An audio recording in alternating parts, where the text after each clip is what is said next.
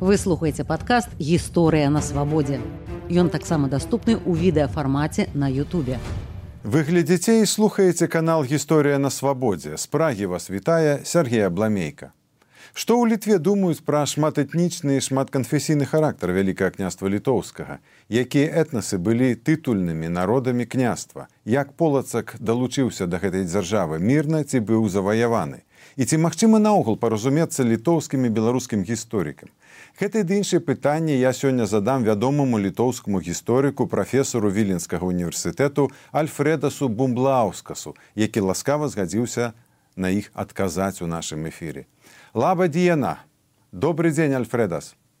Здравствуйте.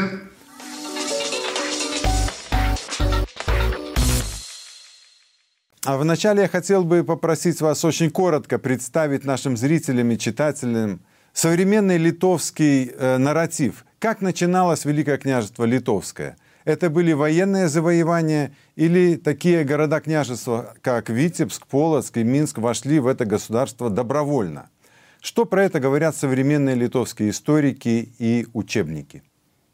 Ну, самая короткая формула – это профессора Гудавичуса – начало Великого княжества Литовской очень похоже на завоевание франков. Это военные походы с конца 12 столетия и захват земель, которые принадлежали э, территории Киевской Руси. Так вот, в этом смысле ничего такого нового я не скажу.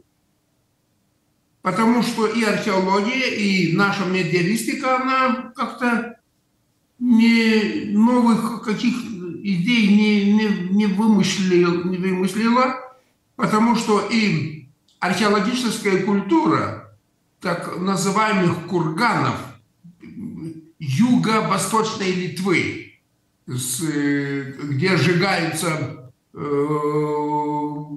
мертвые. Так это археологическая культура, ее, как сказать, территория совпадает с той территорией, которую очерчивает известный польский историк Ежи Ахманский. В своей книге «Граница этни... литовская этниц... эт... граница этнична на wschodzie do, od epoki plemiennej do XVI века, от, до 16 столетия. Так вот, я думаю, что и литовская, и, думаю, конструктивная белорусская медиалистика и археология, они должны с этими согласиться, потому что и издание исследования Генрика Лобмянского, Владимира Пашута нашего Эдварда Сугудавичуса, они крепко стоят. Так мог бы ответить. А в Беларуси, вот вы сказали про археологию, а в Беларуси тоже очень пристально следят за результатами археологических раскопок в Литве. И в, Керва, и в Кернаве, э, в старой столице, и в современной столице. Белорусские историки, конечно, прежде всего обращают внимание на присутствие Э, христианских или славянских элементов в археологических материалах. Вот эти, например, христианские кладбища в Вильне XIII века, еще до официальной даты основания города. И вот в Беларуси из этого делается вывод, что с самого начала многие населенные пункты Восточной Литвы э, были биэтничными. А, а как в Литве это интерпретируют? И, и так же, или я ошибаюсь? Ну как? никто не, как сказать, отрицает, что в раннем периоде в городах, особенно в столицах, в Кернове и Вильнюс, и в Троках, была часть города, которая принадлежала людям, которые христианского происхождения. Мы теперь очень широко говорим о части, большой части города Вильнюса, а так называемый Цивитас Рутеника, который занимает, ну, старый город, кто знает Вильнюсе, от улицы Гродской и площади Ратушной и улицы Рудницкой на левую сторону. Ну, там потом появились и католические храмы, как Святой Казимир или Святая Тереса с острой брамой. Но все-таки да, даже в начале 20 века все поминали, что это э, русский город. Ну, русский, не московский, в, это, в этом смысле. Так вот, ничего, никого не удивляет русскость э, похоронение русских горожан, гор, гор, и, и, даже и в Кернове. Потому что археологи Кернове думают, что они пока не нашли шляхетское или рыцарское захоронение. Такие кладбища ну, должны были, как в Вильнюсе, отдельные. Так вот, но эти похоронения, захоронения, они ничего не, не говорят про территориальные какие-то изменения. И все. Ясно. Э, в 2019 э, году я читал ваше интервью газете «Литувас Ритас», где вы говорили, что старобелорусские и староукраинские элементы Великого княжества Литовском в XVI веке еще ждут своего осмысления в Литве. И вот там вы говорили, что Сапеги, Тышкевичи, Воловичи, Хаткевичи, э, известные в Литве сегодня как литовцы, на самом деле были славянами, предками белорусов. И вот я подумал, что это значит, что современное понятие нации э, в сегодняшней Литве перенесено в XVI век. И все, кто тогда жил, независимо от этнической и конфессиональной принадлежности, считаются сегодня литовцами. Это так в учебниках сегодня? Наверное. Потому что все, мы все говорим, что в Великом княжестве Литовском сформировалась нация литуан. Она не обязательно литовского этнически происхождения. Нация литуан может быть даже э, э, Войцех Коялович, знанный историк, 17-вечный язык. Даже он упоминает формулу «gente polionus natione lituanus». Что это означает? Мы знаем с 19 столетия, что «gente lituanus natione polionus» когда происходила та оккультурация польских. Но в 17 веке оборотная формула. Генте полонус национе литуанус о бискупе Жмутском, кажется, Вежбицкий. С короной стал... Так вот, это означает, что могло быть и русского происхождения, ну то, то значит белорусско-украинского. Я все время говорю с коллегами-белорусами, ну хорошо, хорошо, пусть будет белорусский, но не запоминаем, что культурная общность между Полоцком и Киевом еще существует в 16 наверное, и в 17 столетии. Так вот. А, в одной из ваших статей я увидел, что вы используете термин «старая Литва», имея в виду, что Литва новая не совсем или даже совсем не такая, какой была когда-то.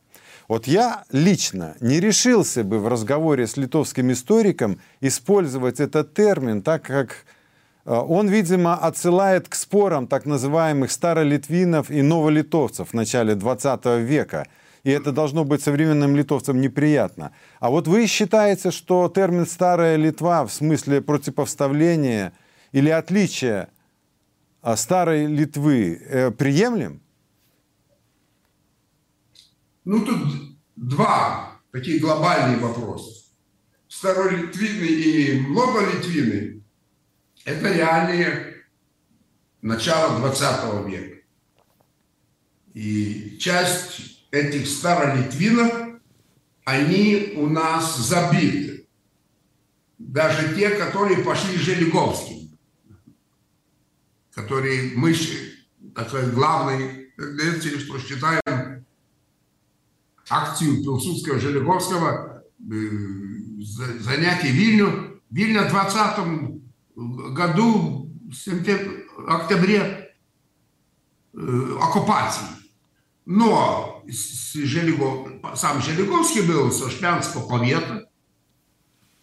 У краевцы были, как Витольд Добровольевич или Людвиг Абрамович. Они были польскоязычные, но старолитвины, они сами так считали. Так вот, это один вопрос. Другой вопрос – это как мы считаем, какой есть связь или нету связи между Великим княжеством Литовским и новой государственностью Литвы 20-го столетия.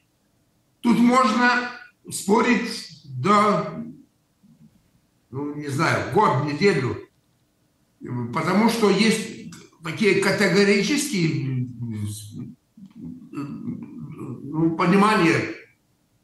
Наш философ Арвидас Кубатец даже сказал, что в литовской конституции, э, в преамбуле э, есть э, ошибка, что не было в 13 веке такого литовского народа, какой ну, мы теперь считаем. Но я думаю, что он не прав, что народ он меняет свои формы. Литовский народ был, но он был другой. И я думаю, если мы считаем историческая наука, исторические антропологии, что есть давние времена и есть модерн истории, то в этом надо делать какую-то цезуру большую. Есть новые националистические времена и есть давние времена. Так вот, в этом смысле я говорю о Великом княжестве Литовском как давней Литве, где мы должны иметь в виду. И вот как раз русский элемент, этот цивитас рутеника, и польский элемент, и немецкий элемент, еврейский, караимский, татарский и так далее, и так далее. И чуточку иную Литву, которая была создана э, в Каунасской республике. И, иным разом я говорю, что Великое княжество Литовское в разрез с другими империями, если Великое княжество Литовское будем считать империей, от Ольгерда до Битльда хотя бы, то она была не тюрьмой народов, не кладбищей народов, как Россию называл Солженицын, а колыбелью народов. Из Великого княжества Литовского вырастало новое государство. Это и, и Беларусь, и Украина, и Литва в том числе, и некоторые части, даже новая Польша, потому что и Пилсудский, и другие деятели, я, Гавриэль Нарутович, первый президент и первый премьер, ну а как Пилсудский его называть, они ведь же жмуди, я сам жмудин, стерж, мои родации створили новую Польшу. Если это так, то надо припомнить и Израиль даже. Израиль сотворил с тех территорий, которые была Литте, от Кретинги, от Полонги до Могилева. Это еврейская Литва. Так вот, с этой территории получилось пять мы народов, пять но новых государств. То этом мы, литовцы, хотим сказать, что наш, нас, наш, нас фактор не забывали, что мы такие единственные, которые хотим почувствовать связь с Великим княжеством Литовским. Но сама история чуточку сложнее. А, а, Альфредос, что вы думаете о реакции в Литве вот в последние месяцы, резкой реакции на так называемые литвинские теории, которые распространяются в интернете э, некоторой частью э, любителей Э, истории белорусской. А, как вы считаете, есть реально от них какая-то угроза Литве? Ну, две мнения. Одни говорят, что мы должны опасаться. Другие говорят, что эта опасность такая химерическая. Я даже не знаю, без социологических опросов все-таки думаю, что в таком обиходе таком ну, простом обиходе, обиденном, то распространилась эта версия. Для национализма всегда такие формулы, они удобные. А, был русский город в Вильнюсе, значит Вильнюс русский. Ну это все. И вот эта сложность исторического процесса никто не хочет, не хочет видеть. Мы вчера как раз э, комитете нашего парламента был как раз обсуждение. Участвовали даже белорусские коллеги. Александр Белый, которого приветствую, он теперь в Израиле. Э, Казакевич Андрей. Так с ними всегда можно найти общий язык. И мы думаем, что надо как-то действовать на э, белорусские э, масс-медиа, которые э, ну, действуют в Литве, в Польше, чтобы все-таки отказаться от этих э, которых, формул, которые обижают теперешнюю Литву. Обижает вот это летувисы, вместо литовцев. Что Литва, Литва это Минск, а э, литовцы, летувисы, которые э, происхождение жамайкийского или жмутского захватили Вильню. Но это псевдонаука, конечно. Я сам э, писал статьи про концепцию жамайтии. Я знаю, насколько сложно отличать жамайтийскую, жмутскую историю от литовской истории. А для белорусского национализма это такая простая вещь.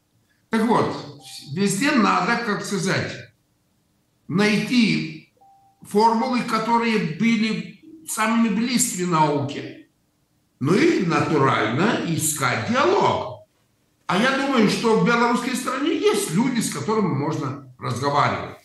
Пример, я не знаю, он был уже в пожилом веке, Григорий Галенченко когда-то сказал, что, ну, ребята литовцы, согласитесь, что когда-то Великое княжество стало и белорусским государством. Ну пусть будет так. С 16 века, когда велите три Хаткевичей и только два Радзивилла, когда сразу появляется Лев, Лев Ляун Сапега, то, конечно, они, литванизация идет, и и, и, и Хоткевич хочет сказать, что они литовского происхождения, сборник, хотя мы знаем, что супросля, э, под Беловостоку, но Сапега уже говорит, что третий статут – это нашим языком. Ну а какой это язык? Ну, конечно, это не язык Вашингтона, э, литовский, вот тот язык, которым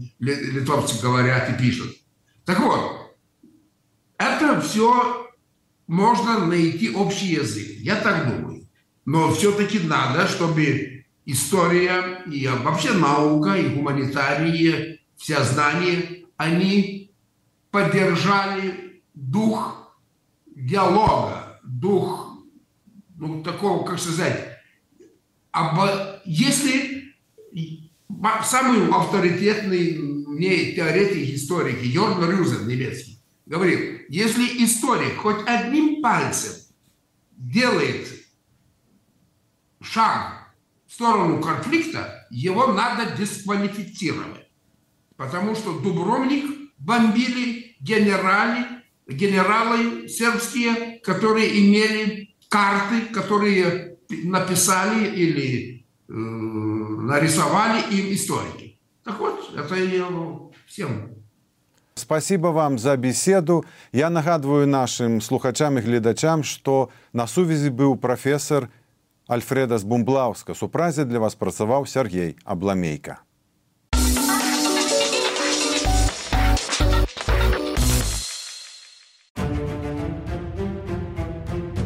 Вы слухали падкаст гісторыя на свабодзе. Падпісвайцеся, глядзіце і слухайце ў Ютубе і на ўсіх падкаст-платформах кожны тыдзень.